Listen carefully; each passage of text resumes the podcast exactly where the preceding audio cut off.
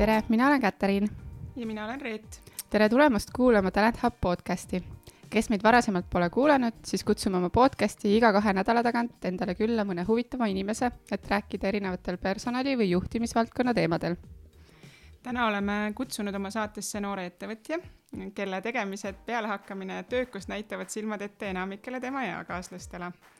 viimase kolme aastaga on ta oma ettevõttesse kaasanud äh, üle kaheteistkümne miljoni väärtuses investorite raha, toonud turule ainulaadse toote ning kasvatanud tiimi juba ligi viiekümnele inimesele. mul on hea meel tervitada meie saates Brainbase'i kaasasutajat Karl-Juhan Valnerit. tere, tere! mul on väga hea meel, et sa meie saates oled ja, ja meil üldiselt on hea tava selleks, et me väga pikalt ettevõtete tegemistest ei räägi, aga Brainbase Äh, 誒，唔。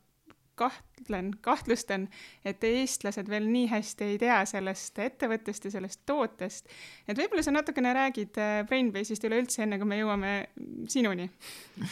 see täpselt nii on jah, et paljud nii-öelda meie tootest ei tea, eriti Eestis, et tehniliselt on siis see firma sündinud, eks ole, Eesti-USA koostööst ja, ja alustasimegi võib-olla siis USA-s oma tööd ja nüüd see aasta kolisime ka Eestisse, et see võib olla suur põhjus, miks inimesed meist väga palju ei tea, eks ja tegemist oli siis kolme noore co-founder'iga, kes on juba ühe firma enne seda loonud nii-öelda koos, alustasid siis selle firmaga, alustasime kui patendi turuplatsina,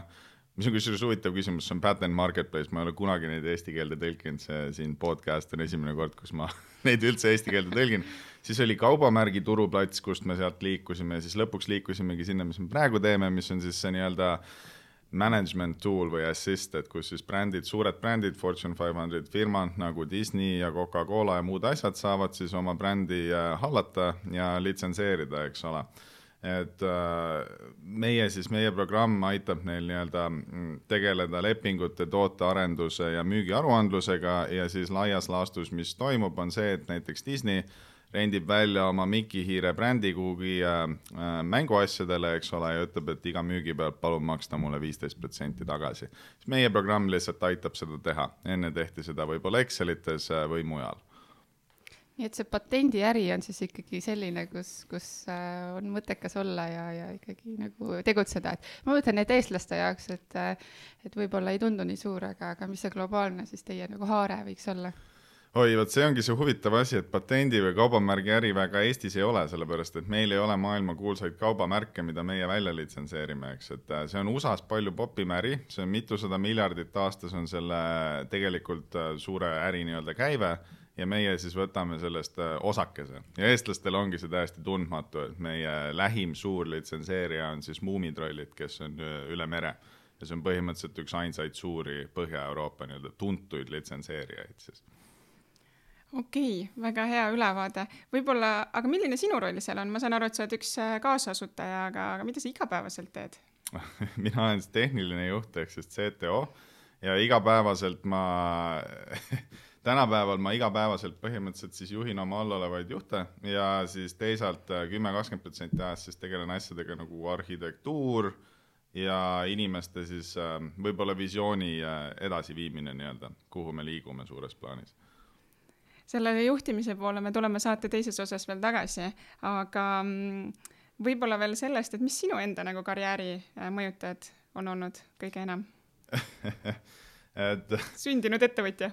Sündinud ettevõtja, sellega on niisugune huvitav asi, et inimene on, ma arvan, sündides nagu selline, mis asi, tühi CD, eks ole, et ta igalühel on võib-olla oma maht ja nii-öelda keerlemiskiirus, eks ole, aga põhimõtteliselt, et see tühi CD sulle hakatakse peale salvestama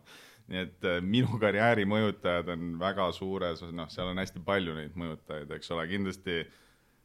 keda ma nüüd siin tänan suures plaanis, eks ole, et kindlasti ma tänan oma vanemaid, kes mulle asju ei ostnud, ütlesid alati, et kui sa midagi tahad, siis mine teeni ise välja, et see andis mulle kindlasti selle tungi, et okei okay,, fine, kui ma tahan endale midagi ilusat, ma pean selle välja teenima, eks siis äh, kust mu tehnikahuvi võib-olla nii palju tuli, oli, mul oli selline tore naaber nagu Jaak Lippmaa, kes on Eestis üks tuntud teadlane ja tema andis mulle PHP õpingu, õpiku mingi neljandas või viiendas klassis ja ja ta oli ise, ise hästi suur selline nerd, et tal oli terve tuba täis mingeid vidinaid ja asju, millest ma midagi aru ei saanud, eks ole, aga ma käisin seal ja ilgelt lahe oli ja lõbus oli ja siis võib-olla sealt tekkiski selline huvi, et arendus ja tehnoloogia ja siis, kui nagu kokku panna, oligi, said suureks, eks ole, oli vaja raha teha, mõtlesin, et millega teha, see Jaak oli päris lahe, et teeme siis tehnoloogiaga ja siis kuidagi see asi nagu sünergias läkski selleks, et hakkasime tarkvaraärisid ajama, eks ole. ja nüüd viis aastat oleme neid tarkvaraärisid ajanud, seal paar erinevat on olnud, peamiselt kolm tükki neist ja, ja siis võib-olla viimne isik, äh, kes ongi suuresti mõjutanud, on Nikolai, mu äripartner nii-öelda, sest temaga me oleme viis aastat nii-öelda koos tegutsenud igapäevaselt ja kindlasti äh, oleme mõjunud üksteisele nii hästi kui halvasti, et äh, on olnud päevi, kus me kindlasti tahame üksteisele jalaga näkku lüüa ja kindlasti ei räägi aga enamasti on hästi, et äh, jah aga sa mingis nii-öelda suures ettevõttes siis ei olegi töötanud, et äh, või, või kuskil mujal, et sa oled ikkagi oma asju kogu aeg, oma ärisi, oma ja. ettevõtteid arendanud? pigem jaa, et mul, ähm, mul on olnud kaks töökohta nii-öelda, kus nüüd mõlemast on vallandatud ja äh, ma seal mõlemast pidasin mingi aasta eest vastu ja siis ma, siis ma tegin oma ärid mul ei istunud, kuidas seal asju aeti väga õige, kui sa näed viga laites, mine aita ja kui ei saa aidata, siis tee ise, eks. täpselt niimoodi jah, et see, kes nutab ja teiste peale näpuga näitab, et see kuhugi ei jõua nii-öelda väga kihvt. Äh, me, kuna meil on selline HR podcast ja meie ja, ja värbamisega seotud, siis äh, meil on ka selline küsimus sellel hooajal, et võib-olla räägi mõni lugu toredast värbamisest, et ma saan aru, et sul on kaks korda olnud kandideerimist, võib-olla on seal mõni vahva lugu, aga täna ettevõtjana sa oled kindlasti värvanud ise rohkem inimesi, kui, kui sa ise kandideerinud oled, et võib-olla mõni vahva lugu, mis sul eredalt meeles? võib-olla äh HR podcast'ile, siis on äh, võib-olla selline IT värbamise spetsiifiline tsentriline lugu on see, et kui mina kunagi, mis juhtus tegelikult, kui ma ise kuhugi kandideerisin ja kui keegi on mulle kandideerinud, sama juhtunud on, kuskil mujal sektoris seda ei, ma usun, juhtuda ei saa, on see, et ma läksin kandideerima tööle, unustasin töövestluse ära, helistasin homme, ütlesin, et kuule, teeme uuesti, unustasin uuesti ära ja siis kolmas kord nad olid ikka nõus muga. Neil nii arendajat vaja, vaata, ilgelt nagu arendajat tikutulega otsida, fine, tule siis. siis ma ei unustanud ära, sain tööle ka ja mulle endale on ka niimoodi samamoodi nii-öelda ghost itud siis nii-öelda. see isik küll tööle ei saanud, aga oleks saanud, ta lihtsalt ei sobinud aga muidu, kui ta oleks hea olnud, ma oleks võtnud küll, isegi kui ta neli korda oleks ära unustanud kas on midagi, mida me sinu CV-st välja ei loe? midagi, mida teised üldse ei tea? Uh,? see on äh, hea küsimus. see, et mitu, mitmes töökohas ma tööl olen käinud, võib-olla korreleerub sellega, et minu esimene töökoht oli data catering, mis oli majandustarkvara, eks, ja sinna ma, sinna ma olengi vist oma ainsat CV kunagi koostanud ja see oli umbes niimoodi, et ma läksin ülikoolis, olin, mõtlesin, et ma tahan saada ilgelt majandustarkvara arendajaks ja kõik töökohad tahtsid seenior-arendajaid. siis mis ma tegin, ega ma jumala eest ei jätnud proovimata, ma hakkasin, panin oma CV-sse kõikvõimalikku nagu noh, kõikvõimalikku, et noh, mida, mida ma veel saaksin nagu panna, et noh, malevad ja igast, mis juhtimiskogemused see malev mulle andis ja värv, sõprade värbamine malemasse, mul on värbamiskogemus ka ja saatsin need kõikjale, kõikjale, tahad seeniorarendajat, jaa, Savi, jaa, davai, ma saadan oma CV ära. Ja huvitaval kombel umbes pooled olid nii impressed sellest, et see vend niimoodi üritab, et tehti nagu uued töökohad, et kuule, et juuniorarendajad ja võib-olla mida me su CV-st välja ei loe, on see, et tegelikult ka malevatest, igast malevast mind visati välja. Ma ei lõpetanud ühtegi ära. Mis sul juhtus seal siis? Igast pahandust tegin noorena. Ei pidanud aasta lõpuni, mu pikim malev on vist kaks nädalat. Kolmest, see oli rekord ja vot selliseid asju tõesti ei loe mitte kunagi CV-st välja, et, et ega kunagi ei tea ja peabki küsima, et eks me ise näeme oma töös seda täpselt samamoodi. ja äh,, tulles nüüd äh, rohkem tänapäeva äh,, kuidas on see eriolukord äh, mõjutanud teie tööd, kui üldse? kui meil oli, mina võtan eriolukorda kui selline sünkroonse ja asünkroonse äh, nagu vahetus, eks ole, et me oleme alati harjunud traditsioonilises ärimaailmas sünkroonselt suhtlema enamasti, eks ole, et äh, inimene läheb teise juurde, räägib juttu, info liigub kohe üle, teine saab info kätte, eks ole, tegeleb sellega, aga asünkroonne on siis see, et no näiteks üle emaili suhtlus, et ma panen info teele, ma ei tea, kuna ta selle kätte saab ja ma ei tea, kuna vastuse saab, see võib võtta üks sekund, see võib võtta sada sekundit, see on unknown aga kuna meie töötame A mitmes ajavööndis üle maailma ja B, kuna meil on anyway internetil baseeruv firma nii-öelda, kus suhtlus ja projekti juhtimine on kõik online'is, siis kõik meie, enamus meie protsessorid juba inherently või nii-öelda asünkroonsed. ehk siis meil tegelikult Covid midagi ei muutnud, me lihtsalt helistasime, ütlesime, et kõik istuge kodus ja elu läks samamoodi edasi. aga võib-olla üks asi, mis on huvitav välja tuua, eriti värbamise ju juures, et meie onboarding oli sünkroonne. Et äh, see kukkus täiesti laiali ja ma üldse ei näinud seda ette. et tulid uued töötajad, eks ole, tavaliselt mida ma teen, on see, et ta istub maha, ma istun tema kõrvale, noh, räägin asja läbi, eks ole, iga päev käin seal kolm korda istumas, rääkimas, seletamas, kultuuri seletamas, üles seadmas, no läheb üks kuni kaks nädalat sellega, eks. Aga kui me nii-öelda Covid tuli ja enam kontoris ei saanud, siis mul tekkisid suured probleemid, sest Slackis, kui sa küsid, et noh, kuidas läheb äh,, hästi ja, ja, ja tuli välja, et paljudel ei lähe hästi, vaata, kuidagi see ei tulnud enam, see suhtlus muutus ja see ei tulnud välja ja, ja täitsa ühe inimesega läks täitsa mitu kuud niimoodi raisku, et äh, noh, tegelikult ei liikunud kuhugi nagu, aga kuidagi Slackis aru ka ei saanud, kus ta kinni on ja see oli minu jaoks uus, et vot nii. aga mis sa nüüd äh, teistmoodi teed? Nüüd me nüüd meil on lihtsalt parem onboarding, et see oli vara nii-öelda, vara Covidis, eks ole, aga nüüd meil põhimõtteliselt on see, et äh, kõik keskkonnad seab automaatne skript üles, siis meil on nii-öelda maha märgitud kolmkümmend, kuuskümmend, üheksakümmend plaanid, kus siis on väga selged eesmärgid, mis sa pead kolmekümne, kuuekümne, üheksakümne päevaga ära tegema, et siis inimesel nagu on pilt ees nii-öelda, ma pean sinna suunas liikuma mm. et see lahendab sellise sünkroonse probleemi siis neil on oma checklist. okei okay,, nii et rohkem asju on lihtsalt kirja pandud kui, kui varasemalt jah, et ennem oli lihtsalt seda suhtlust, suhtlust. jah, ennem suhtluse teel sa suunitlesid, et mm -hmm. tead, noh, kallis inimene, et meil on vaja sinna minna, eks, et siis inimene teab, et meil on fookus seal, aga kui oli Slackis, siis kadus järsku fookus ära. jah, see oli probleem, kirja pannes probleem laheneb mm. -hmm. aga kui suur su tänane tiim üldse on? see, see ongi seal neljakümne, viiekümne pea vahel, et ma mhm. täpselt mm -hmm. Kuna osakondi on meil palju ja igapäevaselt värvatakse, vahest kaob ka inimesi ära, et mm -hmm. siis see headcount nii-öelda kõigub, aga üleüldises joones ta läheb siiski üles ja me, me iga päevaga kasvame. aga sinu enda nii-öelda valdkonnas, tehnoloogias? seal on vist kakskümmend, äh, kakskümmend kaks, kakskümmend kolm inimest mm, -hmm. umbes pool meeskonnast on tehnoloogia peal hetkel mm. -hmm. ja, ja tegelikult noh, kontor meil juba jääb väikseks, et me nüüd kolime. on jah? jah, Eestis väga kihvt. Ähm, ja kuidas teil need kõik äh, struktuuris jagunevad, et, et palju sul on nii-öelda juhte, palju sul on, äh, kellega sa nagu igapäevaselt tegeled mm,? okei okay,, mina tegelen siis kahe juhiga nii-öelda ja nende juhtide all on siis ühe juhi all on kogu arendusmeeskond ja teise juhi all on see andmeinframeeskond, et äh, võib-olla teine on natukene erioperatsioonid, nii-öelda masinõpe ja, ja kes töötab tavastruktuurist väljaspool nii-öelda tavatööprotsessidest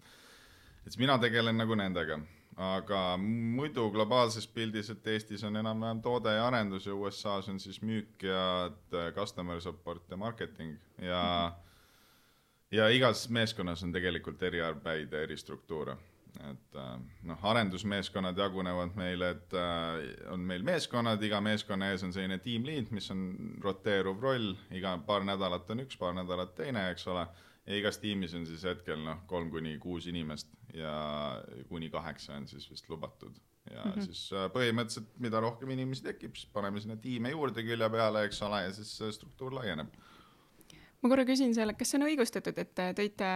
oma tiimi, arendustiimi siis Eestis, sest ma saan aru, et sa tegelikult elasid ise ka USA-s ja kogu see, kogu algus oli USA-s ja nüüd on arendustiim alates siis äh, kevadest äh, Eestis tegelikult on ka USA-s arendusmeeskond, me kutsume neid growth tiimiks nii-öelda, et nemad toovad siis uusi tooteid turule ja neil on hästi hea positsioon, kuna tegelikult hästi suur osa ärist on USA-s, nemad saavad olla siis nende klientide lähedal, töötada nendega koos ja lansseerida uusi programme. Ja siis, kui need nii-öelda näitavad, et neil on pidavust, et siis äh, me toome need üle nii-öelda Eestisse, kus me siis teeme neile korraliku arhitektuuri ja paneme muskli taha nii-öelda, et siin on, enamus meie arendust ühesõnaga on siin jah, ja oota, et äh, kas see õigust, kas see on õigustanud ah. ennast või miks te siia tulite? miks me siia tulime, et ähm, see on õigustanud küll, põhimõtteliselt founder'id olid eestlased, founder'id tahtsid ühest osast ka Eesti majandust nagu aidata, et siin on tore midagi siia ka tagasi tuua, eks ole. ja jah, teiselt poolt meil tegelikult on head arendajad, meil on nagu palju arendajaid, kelle seast valida ja noh, tõesti head arendajad on lihtsalt Eestis, see on ka hea. aga et kui sa nüüd ütlesid, et aasta alguses teil tiim hakkas kasvama, et, et äh, räägi natukene võib-olla lähemalt, et äh, kuidas te tegite seda ähm, mis on olnud niisugused peamised väljakutsed tiimi kasvatamisel? Ehm, peamised, äh, et noh, tiimi, tiim on meil kiirelt kasvanud ja tegelikult noh, kui me üheksa kuud tagasi vaatame, meil ei olnud kedagi Eestis, null töölepingut polnud isegi kontorit ja no nüüd meil on üle kahekümne töölepingu Eestis ja, ja kontor on väike, nii et me otsime uut kontorit, et põhiline on, põhiline on standardi probleem, et miks need lauad kuus kuni kaheksa nädalat tulevad, kui meil töötajad tulevad kahe pärast. Et, et jah. Ähm,, aga muidu väljakutsed tiimi kasvatamisel, et ähm, selline huvitav jutt, et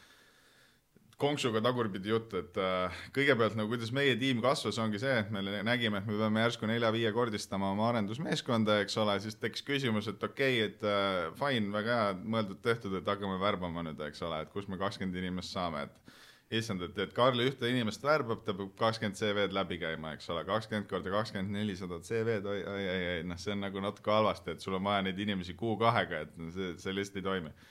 Jälle kord mõeldud-tehtud, helistame Talent Hubile, eks ole, noh, fine, nemad leiavad meile, nemad teevad need äh, kakskümmend intervjuud ära, annavad Karlile kolm kandidaati, Karl leiab kolme seast ühe, noh, me juba lõikame maha seda palju,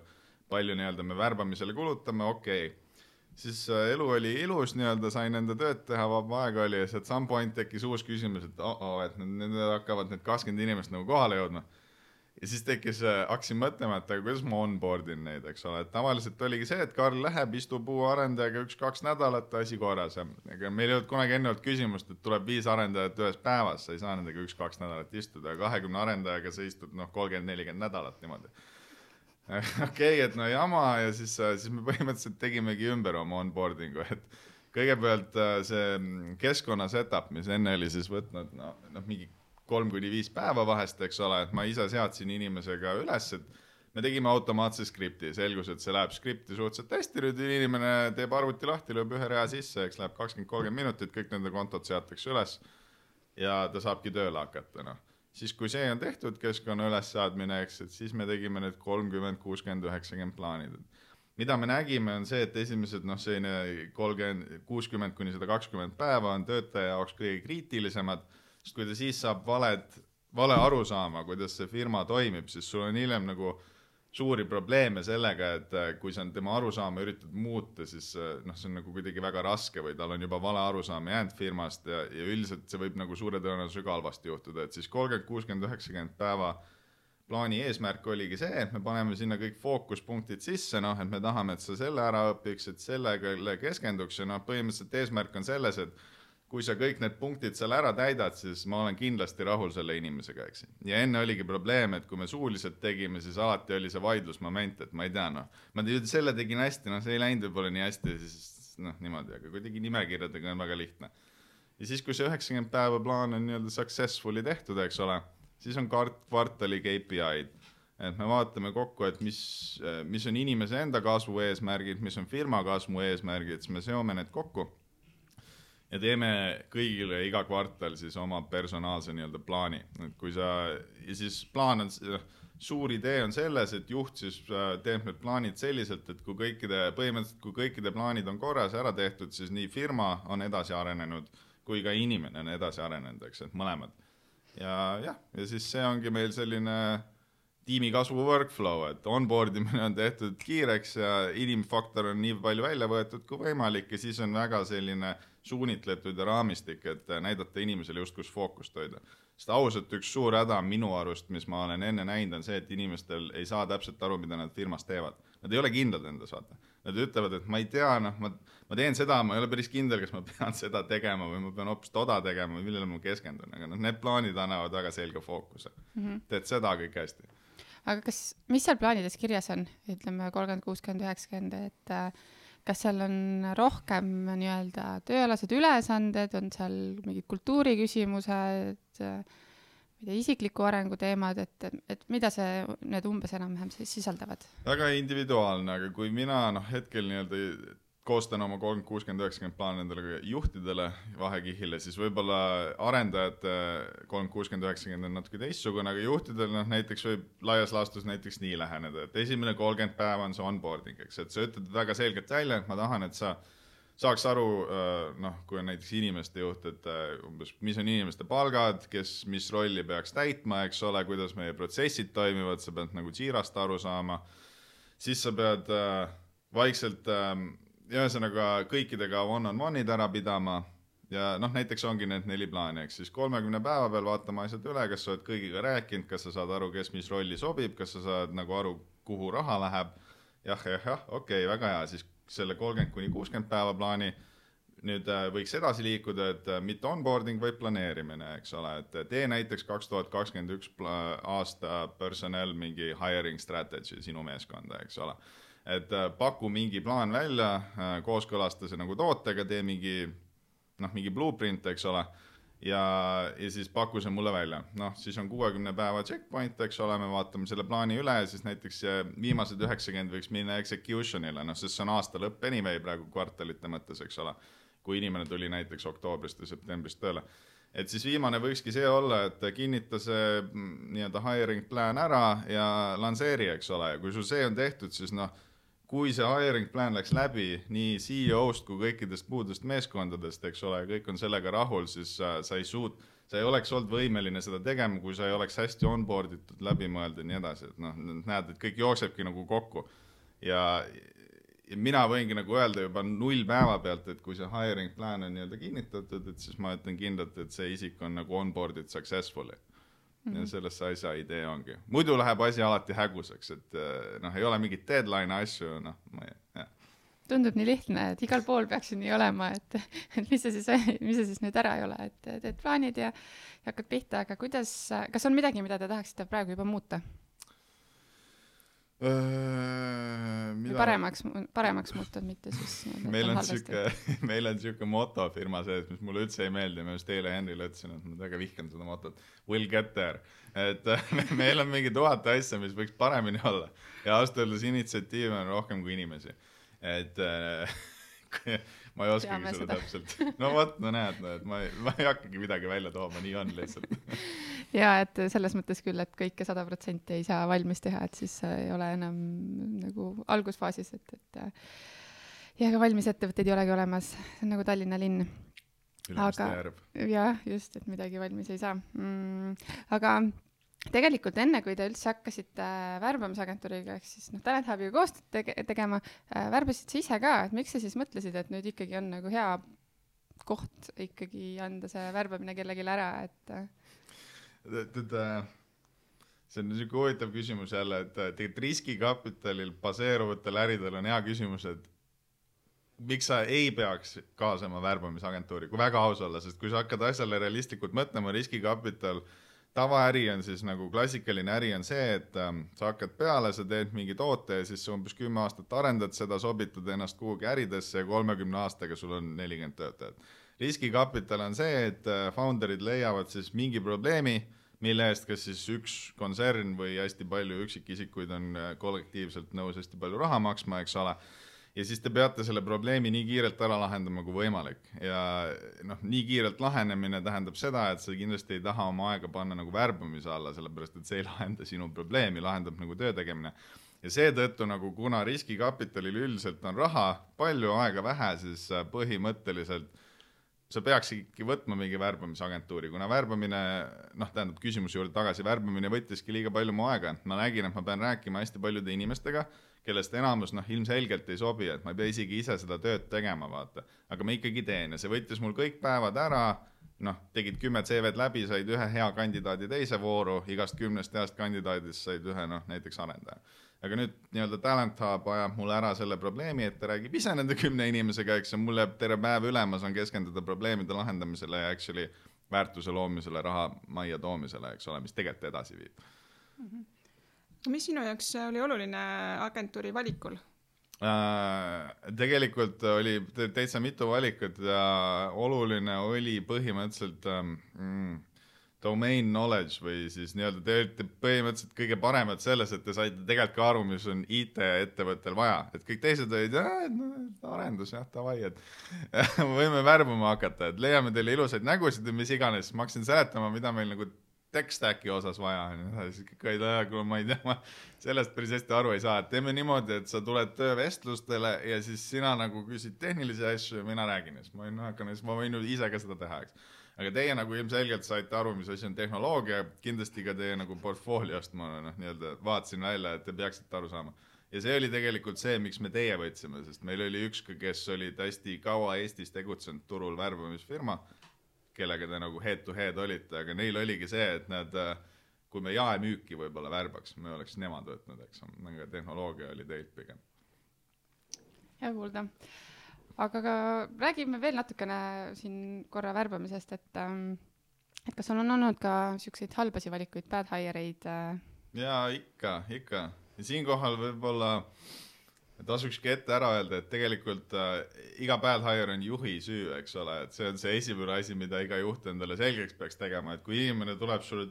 töövestlusele, aga tema ei tea, mis firma sul on, sina ütled talle, et mul on selline firma, sina tead, mis rolli sul vaja on, sina ütled talle, et sa sobid sinna rolli, tuleb tööle, eks. Et kui selle inimesega halvasti läheb, siis keda sa süüdistad, et hästi paljud ma olen näinud, süüdistavad kohe seda töötajat, eks, aga tegelikult ise sa ju värbasid tema. tema ei teadnud, millest sa sellest kinni seab, aga ta sisse ei näe firmasse, sina näed ainult välja, eks ole.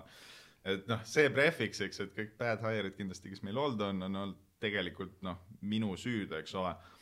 aga me oleme, aga need on hästi nii-öelda aga need on äh, hästi karmid olnud, sest noh, bad hire on väga kallis lõbu, vaata, kuna sa kõigepealt värbad kellegi, sul on vaja, et, et noh, et ta noh, toimiks sinu jaoks, ta tegelikult ei toimi, siis läheb mitu kuud aega, tavaliselt ta läheb seal kultuuriliselt veel tülli teistega, eks ole, ja siis äh, kindlasti lahkuminek on äh, väga niisugune vahest traumeeriv, eks ole, et see ei ole kellelegi meeldiv, et siis sa mõtledki, et neli kuud on pandud aega, raha, asja, värki-särki, eks ole ja noh, väga kallis lõbu on ja seetõttu me olemegi hästi palju panustanud sinna, et vältida nii-öelda bad hire eid, et siis no esimene asi on kindlasti see, kes, keda me üldse vestlusele kutsume, seda probleemi lahendate teie siis äh,, aga noh äh,,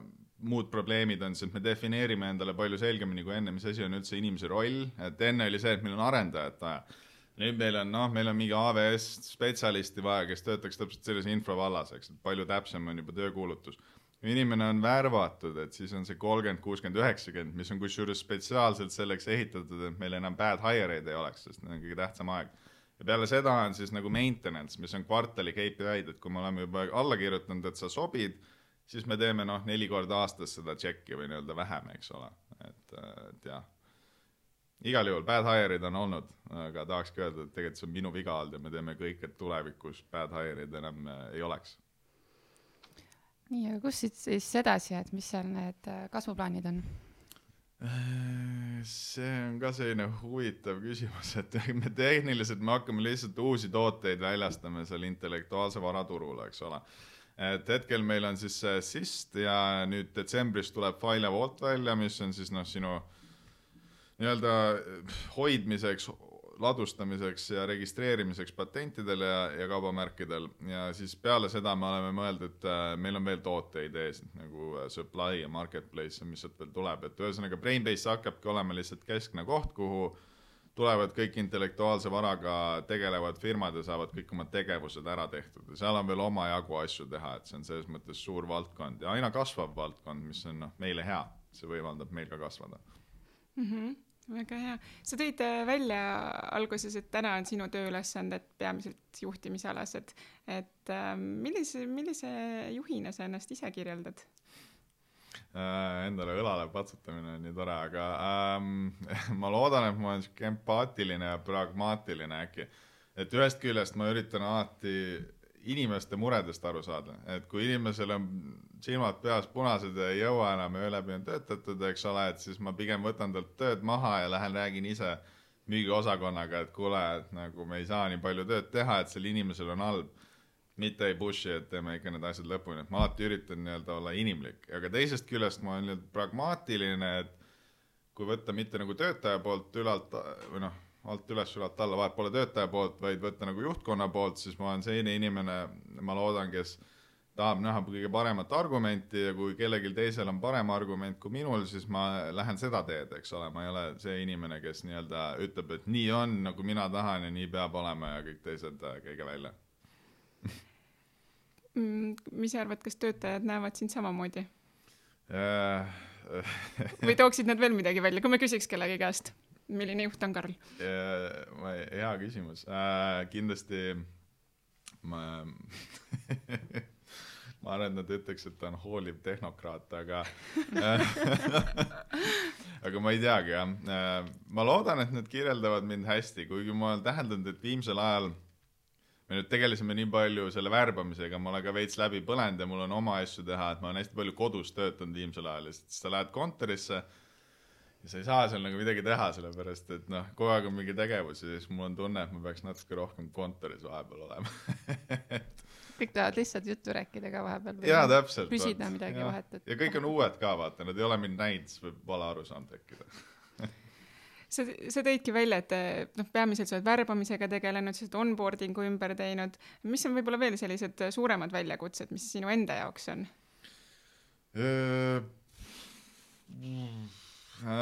Eks alati meeskonnaga ole see küsimus, et kui sul on kümme inimest, eks ole, et kuidas nad kõige efektiivsemini tööle panna, see on nagu asja väärtus, et äh, inimeste motiveerimine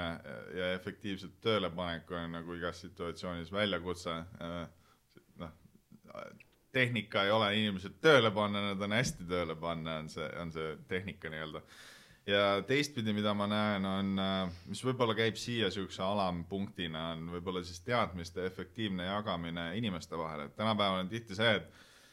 et arenduses võiks kõik teada, noh, et kui üks inimene midagi teab, kõik võiks seda teada, eks ole, et sul ei oleks nii-öelda siloed off see teadmine ja kuidas seda efektiivselt firmas teha läbi mingi arhitektuuri diskussioonide või koosolekute, et see on täitsa sihuke selline omapärane teadmine. Et muidu, kui sa seda ei tee, siis tehnikafirmas hakkab näiteks juhtuma see, et iga moodul on oma nägu, sest kõik kood näeb erinev välja, kuna inimesed lihtsalt ei ole samal mõttelainel nii-öelda. ja kuidas neid sinna saada, noh, see ongi selline huvitav probleem kas te mingeid fun asju ka teete, et uh,? hea küsimus, me käime, me, me aina rohkem nüüd teeme fun'e asju, eks, et olgem ausad, meil siin Eestis uh,, USA-s me käisime väljas söömas, nii edasi, igast üritused olid väga tore oli, aga Eestis hakkab just looma see kontor. Ja seetõttu me ei ole väga palju, väga palju fun asju teinud ja me oleme paar korda väljas käinud ja ja toitu kontorisse tellinud ja, aga, aga ma pean noh, ausalt ütlema, et ma ei saa ilusat nägu teha, it's mostly been work nagu. This year aga väljakutsete juurde tagasi minnes, et, et no sa oled tehniline inimene, sa oled tarkvaraarendaja, et ähm, kas see on ka või kuidas see väljakutse sinu jaoks on läinud, et sa päriselt äh, oled oma nii-öelda keyboard'i pidanud rohkem nurka panema ja, ja ei tegele ise selle arendusega, oma beebi ehitamisega nii-öelda? see on isegi te tegelikult toredalt läinud, sest mul juba oli, mind oli ära tüütanud arendus, sest kui sa oled seda kuusteist tundi päevas ikka aastaid teinud, siis ma võin sulle öelda, et see ei ole enam väljakutse. see on, on nagu eesti keele kirjutamine, mis Kestvus. tegelikult on suurem väljakutse minu jaoks kui koodi kirjutamine et äh, noh, kestvus ongi, et sul ei ole midagi uut enam, et ma võin nagu une pealt, mul ei ole probleeme, et kui keegi küsib, kuidas sa seda koodi teed, see ei ole nagu küsimus, ma tean une pealt, kuidas seda teha, eks et nüüd on nagu teised küsimused, kuidas võib-olla kõige kiiremini turule jõuda või mis on see kõige parem viis ja noh, ühesõnaga selline juhtimisele ülemineku inimeste efektiivsemaks muutmisele ja suurele pildile arhitektuurile, et see läks mul täitsa toredalt isegi, et ma, mulle meeldis see kihvt ja mul on lihtsalt äh,, paljud on öelnud, et nad, nad ei tunne, et nad enam nagu väärtust looksid, et nad ei oska kohe hinnata seda väärtust, seda suuremat pilti, mis tegelikult inimest, läbi inimeste sa saad, jõuad ju palju kaugemale kui see oma kuueteist tunniga, et sul nagu ikkagi tuleb ju piir ette. et seda, seda tunnet sul ei olnud? Ja ma vist olen imelik, mul nagu seda pole olnud äh, võib-olla väga palju, aga ma ütleks, et see on ikkagi läbiv teema, sellepärast et see nali on ikkagi juhtkond ikka ma noh, täheldan kõrvalt vaadates, et see on selline läbiv nali, et ikka teisele ette, et no ole kasulik ka täna, et noh, kogu istud ju ainult, mida sa seletad seal, et äh, jah. Aga kuidas on äh, sinu teekond nagu juhi, juhiks saamisel, et äh, kas sa oled seda kuidagi õppinud, on sul oma coach, mentor või, või kõik on nagu lihtsalt loomulikult läinud? mm,? tead, ma olen sihuke jäärapäe eluaeg olnud et äh, ma põhimõtteliselt algselt õppisin ise kõike, ega ma kedagi teist kuulata jumala eest ei tahtnud. see toimib tegelikult päris hästi, kui sul nagu pea õlgade vahel on. see on üks probleem ainult, et see time to value on hästi halb. Et noh, sa astud kõikidest, kõikidest aukudest läbi jumala eest, no selles mõttes, et kui sa kellelgi ei küsi, sa lähed kuhugi suunas, eks, et noh, sa no ikka pooled augud astud läbi ja ilgelt valus on, kohale jõuad küll, eks ole, ilgelt uhke oled ka, aga siis küsid, et what's the point, eks ole, et ma oleks võinud siia neli korda kiiremini jõuda, kui ma oleks kellelgi midagi küsinud ja võib-olla see ongi mu tänapäeva selline filosoofia, et nüüd, kus, kui ma tahan midagi õppida, siis äh, ma ümbritsen ennast targemate inimestega kui ise. Kui mul on vaja protsesside kohta õppida, siis ma palkan kellegi, kes protsesse paremini teab, sama on masinõppega ja nii edasi ja siis mida ma põhimõtteliselt teen, on istun nendega maha, lasen neil mulle nagu suure pildi ette kanda ja siis õpin sealt pealt. ja kuna nemad on eksperdid, siis nemad kohe ütlevad, et kuule, siin on augud ära seda tee, vaata, seda ka mitte, mitte sinna ja, ja siis see time to value nii-öelda on hästi kiire, see on siuke accelerated training. toimib väga hästi minu arust. aga noh, selleks peab kindlasti võimalus olema, et ennast ümbritseda selliste inimestega mm. -hmm. on veel mingeid asju, mida sa juhina tahaksid arendada endas mm,? see on jah, et jah, kindlasti kõike, et iga aasta ma leian, et eelmine aasta ma olen loll kui ma olin üheksateist, ma mäletan, ma vaatasin tagasi, et issand, kaheksateist, ikka nii lollakas vend olid nagu, et no mitte midagi ei teadnud. kui ma vaatan see aasta tagasi, siis eelmine aasta ma olin ka lollakas, aga nüüd ma olen ise targem, ma tean, kui loll ma olen, et järgmine aasta ma kindlasti vaatan seda aastat, et issand, sa, sa olid ka, sa olid ka kahekümne kaheksaselt lollakas. et siis ühesõnaga ma tahangi öelda, et ma õpin iga aasta, ma saan aina targemaks ja millele võib-olla see aasta keskenduda on, et kuidas skaleerida firmat, et mis on kuidas, no mis on, mis on need struktuurid, mis toimuvad, mis on need protsessid, mis toimuvad, sest igaüks võib struktuure, protsesse välja mõelda, aga ainult osad neist toimivad. ja kindlasti tahan endale masinõppe vähemalt alustajad nii-öelda selgeks teha lähiajal, et ennast tehnoloogiaga ka veits kaasas hoida. Nii, aga tegelikult meil on äh, see hooaeg ka sellised mõned äh, kuulaja küsimused et, äh, et siin paar tükki valisime välja ja, ja hea meelega küsiks sinu käest ka. et, et siin on üks küsimus tulnud siis sellise mm, värbamise kohta, et kas sa otsid pigem särasilmseid hakkajaid, kellel on vähem kogemust versus neid, kes on teinud ja kogenud, aga võib-olla kelle motivatsioon on ka tiba madalam?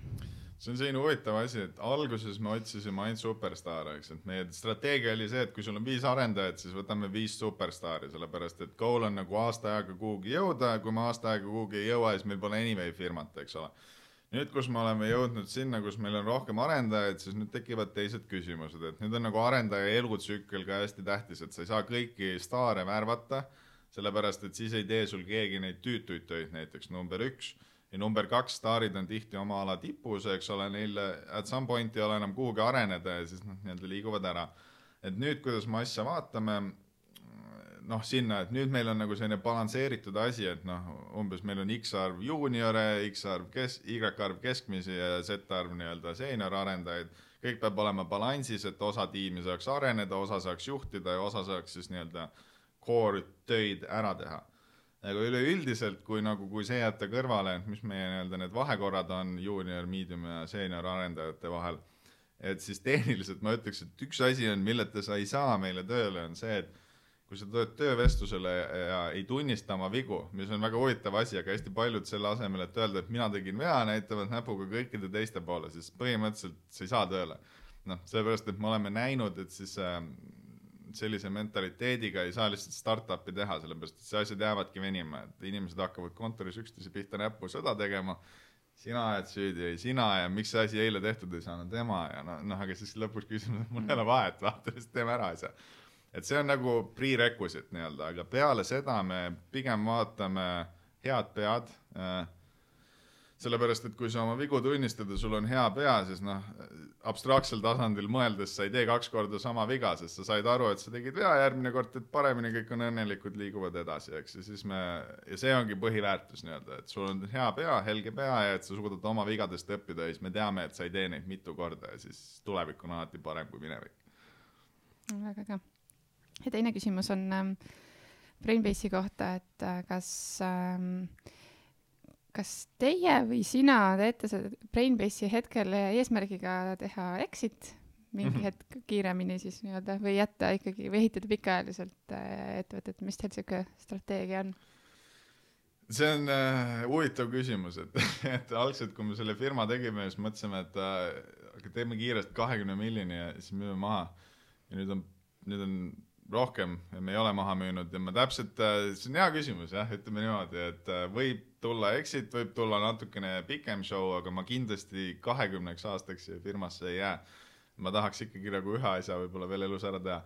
et äh,